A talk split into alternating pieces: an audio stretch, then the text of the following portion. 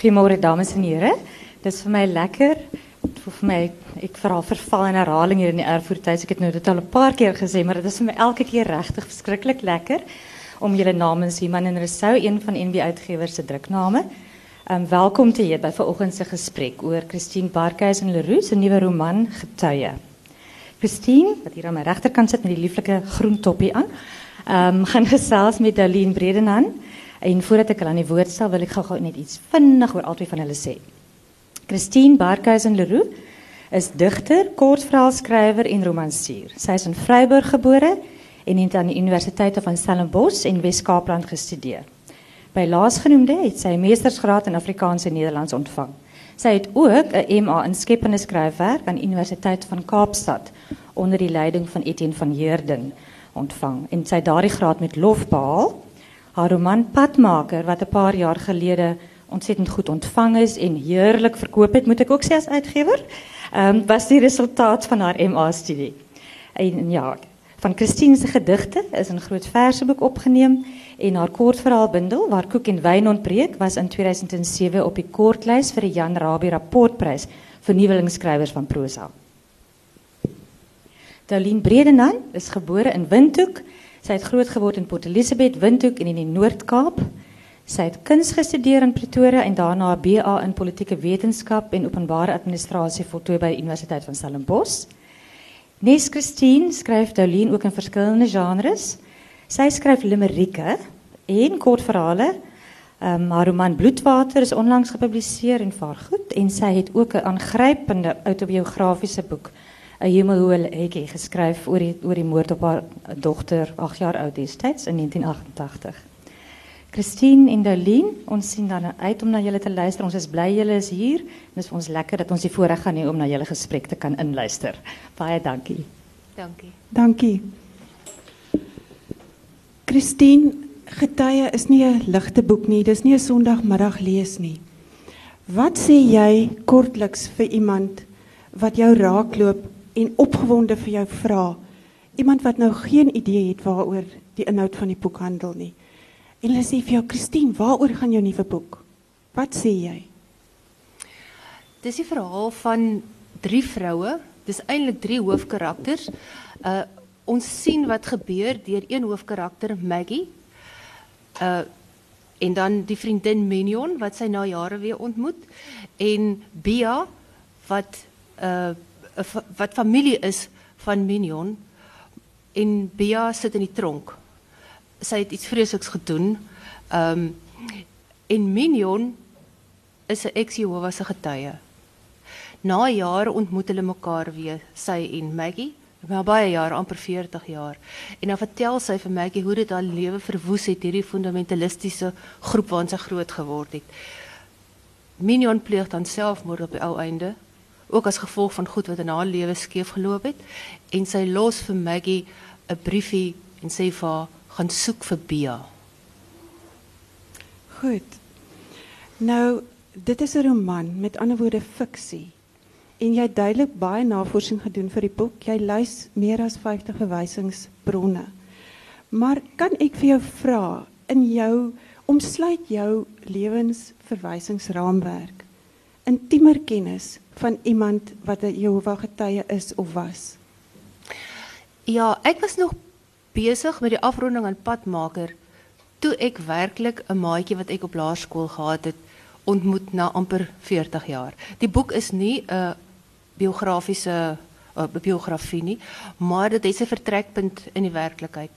En die vriendin het vir my vertel hoe dit haar lewe verwoes het en ek het dadelik geweet dit is dit hieroor moet en wil ek skryf want mense het nodig om meer te weet. Al wat ons weet is van hierdie mense moet ons wegbly. Maar ons het nodig om meer te weet en dit het nogal my oë oopgemaak alles wat ek gelees en gehoor en ervare tydens die navorsing vir hierdie boek. Ja, so jy kon put uit daai ondervindings uit. Ja, ja, definitief. Ehm um, goed, omdat ek self dink altyd in my kop aan Jehovah getuies met die Jehovah vooraan. Dit het my opgeval dat jy derentyd in die boek ehm um, uitsluitlik eintlik praat net van getuies sonder die Jehovah vooraan.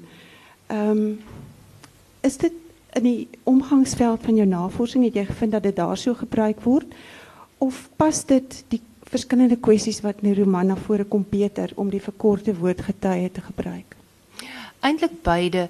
Ehm um, die vriendin van my, uh, soos wat sy my vertel het, het sy uh deurentyd eintlik net gepraat van die getuies. So hulle verwys na hulle groep onder mekaar as getuies. Maar dit was ook vir my belangrik dat dit nie dat dit veel breër moet gaan as net die Jehovah se getuies. Ehm um, dit dit gaan onder andere ook ehm um, die leser moet uiteindelik vir homself afvra, maar is daar nie ook baie ander fundamentalistiese groepe selfs binne in die tradisionele soort kerk en verder die die die woord getuie ehm um, speel ook in op op eintlik al die karakters wat in die boek voorkom. Maggie word uiteindelik getuie van wat met Minion gebeur het en van wat met Bea gebeur het. Maggie se pa, die Ierse McCain, hy is, is getuie of hy was getuie van die ehm um, oorlog en stryd tussen die protestante en die katolieke. En uiteindelik word die leser ook getuie van wat met al hierdie mense se lewens aan die gang is. Goed. Ehm um, die voorblad van die boek is baie treffend. Daar's my iets Madonna-agtigs aan die jong meisie wat agter geroeste tralies staan. Ehm um, ek het nogal gewonder, sy staan met so uitgestrekte hand. Ehm um, wil sy uitreik met daai hand of wil sy wegstoot met daai hand? Kan jy vir ons vertel hoekom spesifiek hierdie voorblad gekies is vir die boek? Ek moet jou sê ek is baie baie gelukkig met hierdie voorblad. Ehm um, die ontwerper het dit regtig waar so goed uitgebeeld. Ek het 'n idee gehad van uh, van 'n kind, 'n jong meisie wat agter 'n hekkie staan. Maar toe hy met hierdie voorblad vorendag kom, het ek net gedink, "Joe, dis dit sê so presies wat in die boek aangaan. Dis iemand wat wat weggesluit is, afgesluit soos mense in fundamentalistiese groepe. Ehm um, en dis ook iemand wat wil wat wil uitreik want uh die roman is eintlik ook 'n soeke na vryheid. Ehm um, ja, en en dit gaan nogal ver om daai vryheid te vind. Goed, ja. Nee, ek moet sê dit is regtig 'n voorbeeld jy kyk en jy kyk weer. Dis baie mooi. Christine, jy is ook 'n digter en dit kom na vore, mens sien dit in jou teks terwyl 'n mens lees. Ehm um, mens sien dit in poëtiese beskrywings en dan in beeldgebruik wat so sterk sluit dat dit 'n mens agterna bybly. Ek wil vir jou vra om 'n paar voorbeelde te lees uit jou werk uit. Ek gaan maar vir jou sulke aanduidings gee. Ehm um, en julle moet mooi luister, dit is regtig baie mooi Afrikaans. Bladsy 31, paragraaf 2. Dit is nou na aanleiding van die karakter Minion wat soms dig toeklap terwyl sy sommer nog besig is om te praat. Ehm um, partymal kry sy die indruk Minion wil praat. Al klap sy ander kere weer dig toe. 'n Oester wat die sandkorrel in haar sagte buik stilweg met perlemoer toesmeer. En dan op bladsy 224 paragraaf 2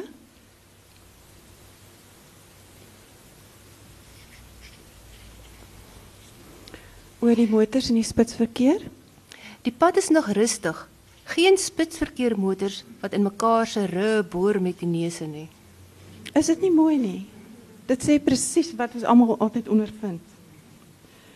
Ehm um, bladsy 313 die laaste paragraaf oor die holriet. Ehm um, wie vra sy na Maggie na waar Maggie langs fortuin staan? Wie het jou gestuur? Was dit my dogter? Haar woorde is 'n fluistering in die stingel van 'n holriet. Daar's nog een besonder beskrywende aanhaling wat ek nou wil gaan, maar ek gaan dit nie nou lees nie want ek wil vir jou 'n spesifieke vraag daaroor vra. Ehm um, so ek gaan nou net daarheen gaan. Dit is maar interessant om te sien hoe jy nuwe woorde skep, letterlik nuwe woorde opmaak wat oombliklik by die leser oproep dit wat jy wil oordra. En ek gaan nou sommer maar hier 'n paar voorbeelde noem. Ehm um, so skryf sy byvoorbeeld gebruik sy die woord terugtregter. Sy sê Ehm um, dit is nou oor die kind. Sy kon die laerskoologgende terugtregter deur die tye. En dan ehm um, plastiekkranswoorde na 'n begrafnis. Anders as die gladde plastiekkranswoorde van die meeste ander mense. Dis so beskrywend hierdie plastiekkranswoorde wat mense vir jou sê. En dan dwergkleertjies. Na aanleiding van 'n baba se eerste klere, praat Christine van dwergkleertjies. Jazz, rock, Mozart blues, alles een woord. Daai mengsel van musiek, jazz, rock, Mozart blues, dis baie mooi. Ek het baie daarvan gehou. En dan is hier hierdie moeder van 'n woord, baie lank, maar die vet weet so beskrywend. Sy sy sê iewers 'n storie so ver gesog soos God weet watter met is om die vure. Dis fantasties. Goed, ehm um, sê vir my hierdie liriese woordgebruik van jou. Kom dit natuurlik by jou op terwyl jy skryf omdat jy dig ook of moet jy dit ook maar meer bewuslik inwerk in jou teks? Ek dit kom maar soos dit kom. Ehm ja, baie keer is ek is ek regtig self verras oor oor iets wat skielik daar staan en en wat nie ja, dit is so half soos 'n magiese iets wat wat skielik vir my gegee is. Ek dink byvoorbeeld aan daai um die die reël in padmaker liefde is soos 'n aflosstokkie my kind. Jy kan dit nie aangee as jy dit nie gekry het nie. Hmm. En dis dis dis regtig nie my eie goedheid of my slimheid nie. dit dit het net so na my toe gekom. So ja, ek is dankbaar vir sulke goed. Ja, ek dink jy is net ook maar ingestel daarop omdat jy ehm um, jy weet maar ook gedigte skryf. Goed, ehm um, nou wil ek gaan na daai oomblik wat ek net nou van gepraat het. Ehm um, en dit is vroeg in die boek, dis op bladsy 17 waar jy skryf en Maggie McKen besef. Dis 'n oomblik waar in haar brein met 'n koplamp oopgeskyn word dat sy besef. Dit wat jy weet word jou verantwoordelikheid en jou gewete. Nou Christine hierdie woorde, daai kop oop kop ehm um, wag laat ek nou koplamp oopskyn. Koplamp oopskyn oomblik. Dink jy dat dit vir dig uh, vir vir mense wat skryf skrywers miskien die eerste gedagte is van daai misse wat 'n mens so graag wil hê jy moet hier op jou kom neerdaal dat jy tog net kan weet waaroor om te skryf en aan die skryf kan kom. Het my so kop oop nodig. Weet jy, enerzijds ek kan nou jou vertel hoe ek bewus geword het daarvan dat ek hierdie boek moet skryf, die vriendin wat ek weer ontmoet het. Maar ek dink dit is meer ehm um, daai soort ding van waaroor moet jy um, dis meer as jy bewus leef in hierdie wêreld dan dan word jy oortuig van dinge dinge kom na jou toe want as jou sintuie oop is dan dan kom hierdie goed na jou toe. Uh maar daar is wel wonderlike momente wat soms gebeur soos die keer toe ek van Kaapstad af gery het Mamasbury toe. Ek het van 'n vertaalwerkswinkel afgekom en ek het gedink ek weet wat die einde van die boek moet wees. En op die N1 het ek so 'n verblindende oomblik gekry wat ek net weet, nee, dit moet die einde wees. En dit was 'n koplamp oopskyn moment. Oomlik, ja. Ja. Dit dit was vir my so oorweldigend. Ek moes stil hou. Ek dink, "Jette, sjoe, dit dit is net ja, groot." Dis baie interessant en ehm um, wonderlik natuurlik as as mens so oomblik kry. Ek ek wil nog ietsie daarbey voeg. Ek dink die ding uh oor waaroor moet ek nou volgende skryf? Ehm um, ek dink mense maak te veel van die ding van die muse. Ehm um, 'n mens kry 'n idee en met daai idee moet jy werk. Jy hmm. kan nie net sit en wag vir iets gaan skielik op jou neerdaal nie. So die idee is vir my baie belangrik. En dan begin mense natuurlik oor daai idee wonder en dink en ek het ehm, 'n um, kollega wat sê selfs wanneer jy selfs wanneer jy nie skryf nie, skryf jy. Ja, want jou gedagtes bly maar ja, besig. Ja. So as bietjie selfspot ook. Dis natuurlik gerieflik soms om net te sê maar jy wag vir jou muse. Ja, ek dink ek dink so. Ja. Goed, ehm um, getuie kyk indringend na die die uitwerking wat ehm um, kultus godsdiens op die lewens van mense het. Eers as kinders en dan later as volwassenes. Vertel ons meer van ehm um, hoe het die getuie geloof van Mignon van Mechelen haar kinder, kinderjare beïnvloed? Ja, as ehm um, ek ek wil nou eers gou teruggaan na die biografiese gegewe waaruit dit waaruit die boek gekom het.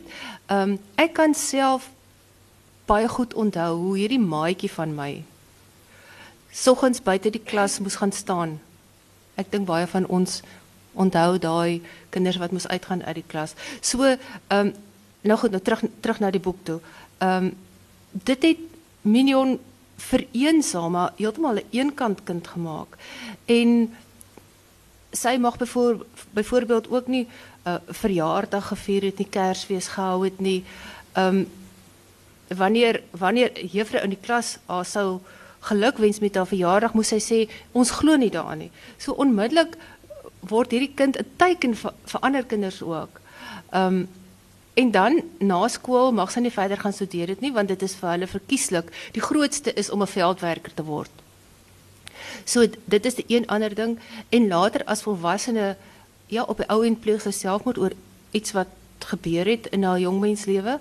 Ehm um, so dit is dit is 'n dis eintlik 'n verskriklike ding wat aan so 'n kind gedoen word. Ja, daai daai um, idee van uitgesluit wees is eintlik 'n geweldige gedagte want sulke kinders het eintlik geen sosiale lewe ook eintlik nie. Um, want in die boek beskryf jy ook sy mag nie maatjies huis toe geneem het nie. Um, haar susters het byvoorbeeld um, met haar geraas as sy kinders maat saamgebring het huis toe. Dit is jy's regtig heeltemal uitgesluit. En die die die vreeslike ding is wanneer jy uiteindelik die moed kry om uit te gaan uit so 'n groep, dan is jy ook weer uitgesluit. Ja. Want dan dan word jy uit jou groep uitgesluit so so erg dat jou eie ouers jou verwerp dat aan die ander kant van die straat verbyloop as jy as hulle jou sien aankom, glad geen kontak en dan ook in die in die in die normale samelewing as mens so iets kan hê is jy ook uitgesluit want jy het nooit vriende gemaak in daai wêreld nie. So dit is 'n baie vereensamende ehm um, ding om in so 'n kultus groot te word. Nou, jy weet dit is nou maklik vir ons om te praat want ek meen ek is nie Jehovah getuie nie en ek weet nie is daar iemand in die gehoor dalk wat aan aan daai geloof behoort. 'n Mens wonder ehm um, hoe regverdig ouers, jy weet, dit vir hulle kinders hierdie lewenswyse, hierdie streng lewenswyse waar jy eintlik nooit tyd het om 'n kind te wees nie. Kyk, die die howe getuies ehm um, funksioneer so. Dit word van bo af deur 'n stelsel afgedwing en afgedruk op mense. Hulle lede word gewerf deur ge, gewone ander lede deur liefde en en baie groot menslikheid. Dit het ek ook ondervind. Ehm um, dit is nie vreeslike mense hierdie nie, maar hulle word gebreinspoel deur die leierskorps bo en hulle weet self nie wat eintlik hoe hulle gemanipuleer word nie. Hmm. En hulle dra dit dan maar net oor op hulle kinders en hulle kinders op hulle kinders as jy nie sterk genoeg is om uit te gaan nie. Dis maar eenvoudig jou lewenswyse, dis al wat jy ken. Ja, presies. Soos wat ons ja. ons die enigste lewenswyse wat wat ons ken is ons kerk, ons gemeenskap. Hmm. Ja, ek wil nou um, verder ook sê, weet hierdie uh, rigiede ehm um, godsdienst van die Jehovah getuies, dit word baie nou geset toegepas dan ook in die openbaar agter vriendelike gesigte want die mense lyk altyd baie vriendelik. Ehm um, van die kinders tot die groot mense, elkeen weet wat word van hulle verwag en hoe moet hulle optree. Maar dan in jou boek ehm um, word ontbloot stukkie vir stukkie ongeruimthede wat eintlik heeltemal bizar raak naderhand en wat dan nuwe betekenis eintlik begin verdere veelvlakkigheid begin verleen aan die woord getuie. Kan jy 'n bietjie meer vertel daarvan? Uh ja. Ons het al ekskuus, ons Ja? het al daaraan geraak, maar Ja, bietjie meer. Ja, ehm ek ek dink jy verwys nou na iets spesifieks. Ehm daar is ook sprake van seksuele misbruik in die Jehovah se getuies. Ehm maar dit kom nooit aan die lig nie. En ek wil net eers gou iets sê oor hierdie tema van seksuele misbruik. Ehm ek dink nie 'n mens moet dit gaan soek om dit in 'n boek in te skryf nie. Maar al hoe meer, al hoe meer sien 'n mens daai tipe gedrag eintlik oral. En as dit oral is, dan sou dit verkeerd wees om dit weg te hou of nie te ontbloot as dit deel is van die tema nie. Ja, dis Maar- tog dis daar. Dis So, daar, dis waarom daar, sal ja. jy dit dan nou nie noem ja, nie? Ja. Ehm en in die geval van die Jehovah se getuies is dit so dat 'n kind of 'n 'n meisie of wie ook al 'n slagoffer kan dit gaan aangee as sy seksueel misbruik is. Maar die voorwaarde is dat daar 'n getuie moet wees in die gewone normale gebruik van die woord om dit te gesien het. So dit sluit per definisie uit dat jy dit kan gaan aangee van watter watter mens het 'n getuie ergens in jou kas gereed om vir jou te getuig dat jy seksueel misbruik is. Dit is 'n angswekkende gedagte. Ek sit en kry nou eintlik hoendervleis terwyl jy dit vertel. Sjoe. Ehm, um, vertel 'n bietjie 'n meer van Maggie McCain. Sy was nou nie 'n getuie nie, maar in 'n sekere sin het sy ook moeilike kinderjare gehad want sy moes haar kinderjare as dit ware opoffer vir 'n droom wat ook nie haar eie droom was nie. Ja, haar pa, ehm die heethoofdige uur, ehm wou haar dwing om 'n konsertpianis te word. En daardeur het sy sy het ook deur al die lang ure wat sy moes oefen, ehm en nie met ander kinders eintlik maar gespeel het nie, het sy ook 'n een eenkant kind geword. En dit is hoekom hulle twee mekaar gevind het, aanklank by mekaar gevind het. Ehm hierdie twee buitestanders wat dan met eens 'n koneksie vorm. Ek wil nou vir jou 'n ander vraag vra. Jy praat van hierdie twee buitestanders, hierdie twee buitekinders wat hierdie koneksie vorm. Tot watter mate as jy nou moet sê, as jy terugdink aan jou vriendskap met ehm um, Jehovah getuie kind en die twee kinders in jou boek. Hoe goed dink jy verstaan sulke kinders mekaar? Is dit is die uitsluitingsfaktor die grootste faktor wat hulle saambind. Dis waarskynlik die eerste aanvanklike faktor, maar dink jy hulle leer mekaar regtig goed verstaan as hulle nie by mekaar se huise kan speel ensovoorts nie? Hoe voel jy daaroor? Wat dink jy? Ek dink die die feit van buitestander wees uh speel definitief 'n rol, maar in die geval is dit ook 'n kwessie van twee sensitiewe kinders wat mekaar hmm. raakloop en dan begin maatjies raak en op um op persoonlike vlak nou nie, met die boek te doen nie. Dit was vir my toe ek die vriendin van my na amper 40 jaar weer sien. Dit was vir my regtig ongelooflik dat ons as dogtertjies van 10 mekaar laas gesien het en nog steeds daai aanklank gehad het. Dadelik die drade weer opgetel. Ja, en ek, ek bedoel dit is as 'n mens jong mense is en jy loop na jare weer 'n goeie vriendin van vroeër raak, dan dan is dit nogal dit het al dit dis algemeen aanvaar dink ek dat dit dit so kan wees, maar maar twee sulke klein dogtertjies. Ehm mm -hmm. um, dit was vir my wonderlik om dit te, te ondervind en ek wou dit baie graag in die boek met hierdie twee karakters ook so laat gebeur. Ja.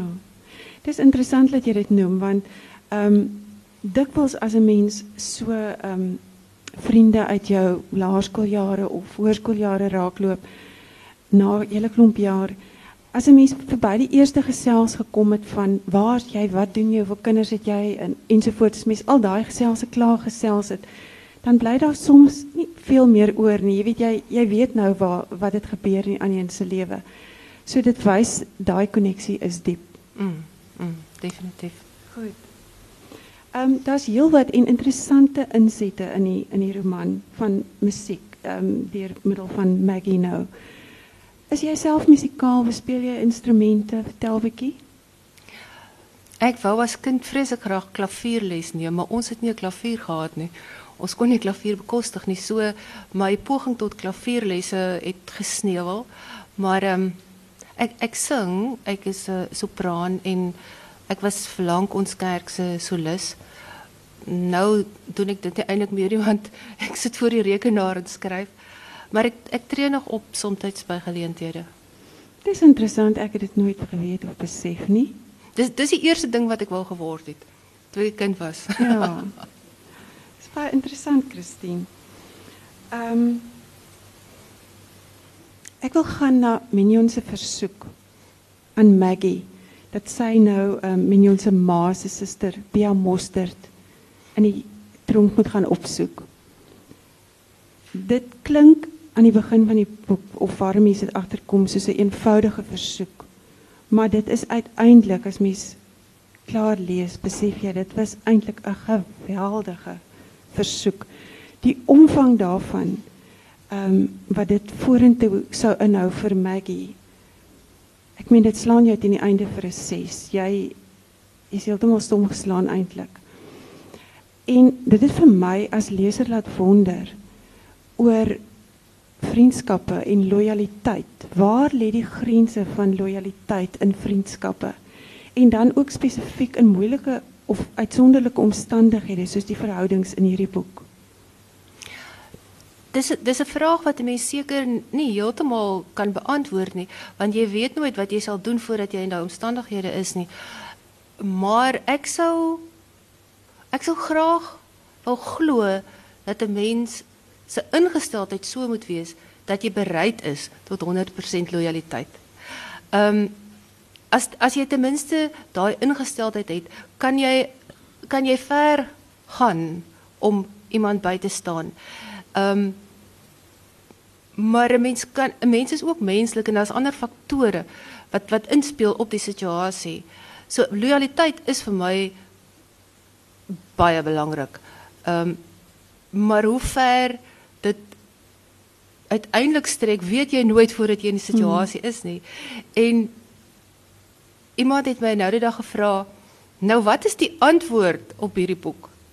Maar ek het nie die antwoord nie, maar ek wil graag hierdie vraag vra sodat hmm. mense kan dink, hoe ver, waar staan ek? Hoe ver is ek bereid om te gaan? Ja. Dis eintlik al wat mens kan sê. Ehm um, Goed, ek wil weer raak aan um, Minion se selfmoord.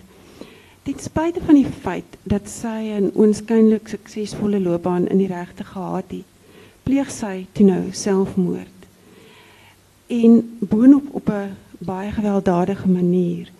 Aan die begin is 'n mens bloot nuuskierig om te weet hoekom het sy nou selfmoord gepleeg.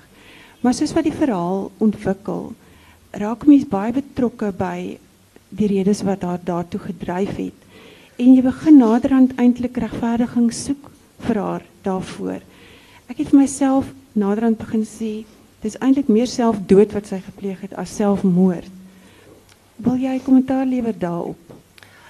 Ja, ehm um, ek ek wil net eers gou sê ek het nou van tevore gesê sy mag nie gaan studeer dit nie en en dit is so, maar op die ou end het sy nadat sy uitgegaan het uit die geloof, het sy haar eie planne gemaak en toe wel gaan studeer.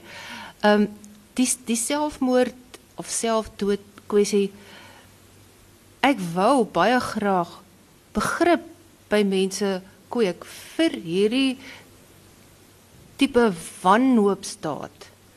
Mense is so geneig om te veroordeel. Ehm um, jy kry vandag nog mense wat sê ehm um, ons begrawe nie, ons wil nie so iemand begrawe uit die kerk nie. En te vroeër was dit ook so dat die mhm. kerk nie sulke mense wou begrawe het nie. Uh ja, ek ek dink hierdie kwessies is dis te diep en diepgaande dat 'n mens sommer net dit kan afmaak en deur die skryf van hierdie boek het ek baie gedink en navorsing gedoen en gelees oor al hierdie tipe kwessies ook byvoorbeeld Sean Davison Eh, wat gehelp het om zijn moeder te laten sterven. Wat ik denk een mm. absolute liefdesdaad was. En, en het is voor mij ondenkbaar dat die recht kan zeggen, um, dit was moord. Ja. Um, so, ja, ik wil graag vooral begrip en empathie bij mensen kweek voor mensen in zulke baie, baie moeilijke omstandigheden. Goed. Dink elke volwasse mens is uiteindelik die produk van hulle vormings en latere kinderjare. En baie mense as hulle moeilike of komplekse kinderjare gehad het, kry dit reg uiteindelik om dit te oorbrug en daai moeilike jare agter te laat. In die boek kry Mignon van Mechelen en Bea Moster dit nie reg nie. Ek wil vir jou vra, um, jy het net ook gepraat van hulle is gebreinspoel, hulle is geïndoktrineer. Kan 'n mens sê hulle was as dit ware geprogrammeer om te val? Wil jy daai sluier bietjie lig? Ek weet nie of mense kan sê hulle was geprogrammeer om te val nie, maar ehm um, iets baie interessant, ek het 'n tyd gelede 'n mediese artikel gelees waarin wetenskaplikes mediese navorsing gedoen het en gevind het dat sekere sogenaamde op, optimiste daar's 'n geen ehm um, en sogenaamde optimisme optimiste het 'n kort beentjie aan daai geen ek weet nie presies hoe dit werk nie en sogenaamde neerslagtige en of pessimistiese mense het 'n lang beentjie. En die kort beentjie mense is geneig om makliker dinge te oorkom en die lang beentjie mense nie. Maar selfs al is jy miskien in wese uh fisiologies en psigies geprogrammeer om optimisties te wees, is dit baie moeilik om omstandighede te oorkom. So as jy byvoorbeeld 'n uh, baie groot gebrek aan ouer liefde gehad het of eintlik soos in Mignon se geval eintlik geen ouer liefde gekry het nie. En en daarbey as jou kruk wat die godsdiens was, hierdie groep jou val, dan het jy niks. Hmm. So ehm um, ja, dan is dit baie moeilik om staande te bly, maar weer eens is dit 'n vraag wat ek, ek kan dit nie beantwoord nie. Ehm um, dis maar net 'n mens moet bietjie dink daaroor. Uh ja, ek ek wou net graag daai ja, vraag ja. in die oop kry. Jy moet maar net bewus wees daarvan. Ja. Ja. Ehm as kind het ek al geweet. Dit was maar soort van by my ingedrul op 'n manier. Wat as ek nou terugdink kan ek ook nie eintlik dink hoe dit gebeur het nie, maar ek het goed geweet as Jehovah getuie mense aan jou deur kom klop, dan nooi jy hulle nie in nie. Jy doen enigiets, maar jy nooi hulle nie in want jy raak nie weer van hulle ontslaan nie. Nou ehm ek het dit geweet, maar weet jy dit het my gepla ook dat mense baie keer baie onbeskof en afwysend teenoor hulle opgetree het. Dit was ook nie vir my reg nie, dit was vir my moeilik. En ek het vir myself ook later maar ehm um, die gedrag aangeleer as hulle as my interkom by die hek lê, dan sê ek vir hulle sit maar ietsie daar in die posbus. Mm. En terwyl ek besig was om te lees aan jou boek om voor te berei vir hierdie gesprek vandag het daar inderdaad ook iemand weer, jy weet, my klokkie gelei en ek wou eintlik vandag daai traktaatjie saamgebring het wat hulle in die posbus gesit het, maar ek het dit nou vergeet. Dit is hierdie sonskyn gelukkige boekie wagtoring wat ehm um, voorhou, weet, alles wat sag en mooi en goed is, reg is van daai geloof. Maar na ik je boek gelezen is ik verwaard. Weet je, Christine, ik wil weten, hoe, hoe moeten mensen die mensen dan behandelen? Wat, hoe, hoe moeten mensen maken als ze als bij jou aankomen? Wat denk jij? Ik denk dat indoctrinatie wat ons ondergaan heeft, is grootlijks die, wat groot, die kerk. Mm -hmm. wat wil zeggen moet toch net niet met jou over zijn getuigen praat Vandaag dink ek 'n mens moet hulle behandel soos mense, soos wat jy enige ander mens behandel. Ek kan baie goed onthou en ek is baie skaam om dit te sê, maar ek het besluit ek gaan dit tog sê. Eendag uh, dit dit is baie jare terug. Ek was jonk getroud en my in my seun was hy was nog 'n seentjie, hy was seker so 6 jaar, 5 jaar, 6 jaar. En ehm um, toe klop daar van die mense aan die plaashuise deur. En ek het vir hulle gesê ek het niks om vir julle te sê nie. Ehm um, gaan net weg asseblief. En wie my kind het vir my toe ek haar deur toe maak toe sê hy, "Hoe kan mamma so ongeskik wees met mense?" Ek ek het dit nooit vergeet nie. En dit is nou lank voordat ek hierdie ander maatjie weer. Ek moes eintlik van beter geweet het, maar hierdie ding wat in jou kop sit, die kyk sê nee, maak toe die deur. Ja. Ehm um, ek dink 'n mens moet hulle menslik behandel. Dit is ook mense en as ons dan sê God is lief vir alle mense, dan behoort jy mos teenoor hulle ook liefde te betoon. Ja, ek dink dis reg en ek wil ook hier byvoeg dat by alles het ek ook 'n groot mate van respek amper ehm um, altyd ondervind vir die gedissiplineerdheid byna want Sondag dan sien jy hierdie ne netjies geklede mense, die mans is altyd in pakke klere wat rondstap, wat van huis tot huis loop en mens kan aanneem waarskynlik by 10 uit 10 van die huise 'n afjak kry. Maar hulle hou aan. Hulle hou aan. Hulle is oortuig dis wat hulle moet doen. Mm. Dit ja, vir, vir, dit is die manier waarop hulle hulle saligheid verdien. Ja. Uh, so hulle wil dit graag doen, maar dit kan nie lekker wees om keer op keer op keer afgejag te word nie.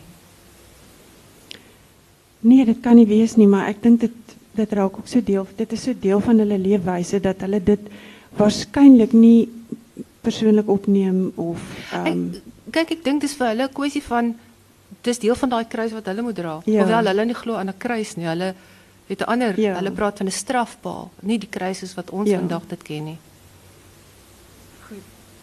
Op die tyd. Ehm um, Ek wil vir jou vra, ehm um, in die navorsing wat jy gedoen het spesifiek oor die Je- Jehovah Getuies. Jy skryf in die boek dat hulle dikwels of nie dikwels nie, maar van tyd tot tyd dan is daar van hulle neergelegde reëls of wat 'n mens dit ook al wil noem, reglemente wat hulle eenvoudig verander. Dit het vir jare lank het hulle daarvolgens gefunksioneer en dan ewe skielik dan verander hulle dit nie, dit verval, dit dit bestaan nie meer. Vertel 'n bietjie vir ons daarvan.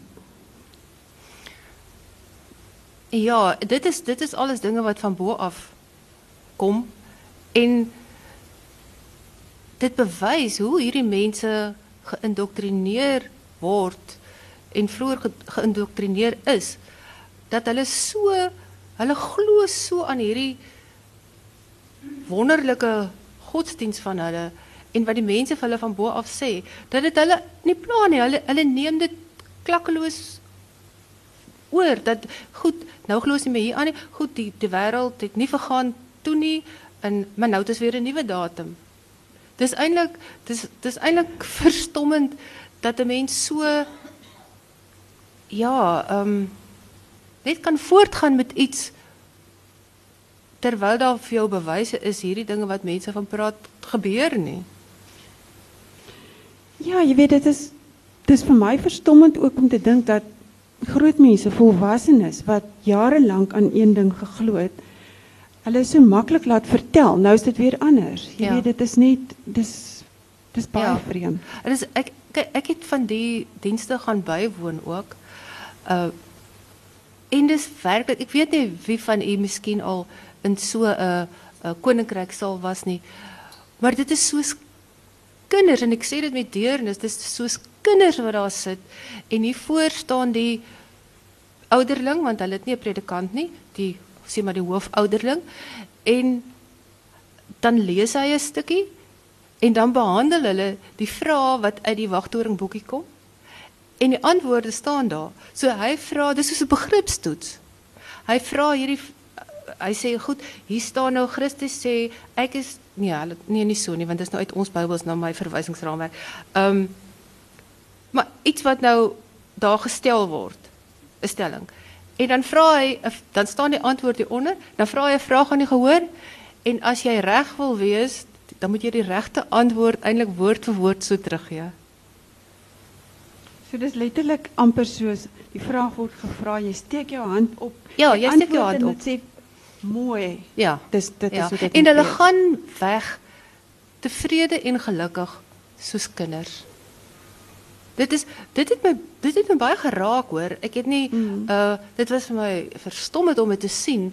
Uh maar ek is daar weg met met met jammerte in my hart dat dat mense so weerloos want dit is gewoonlik ook mense wat weerloos is en niks anders het nie wat in hierdie soort groepe beland. Hmm.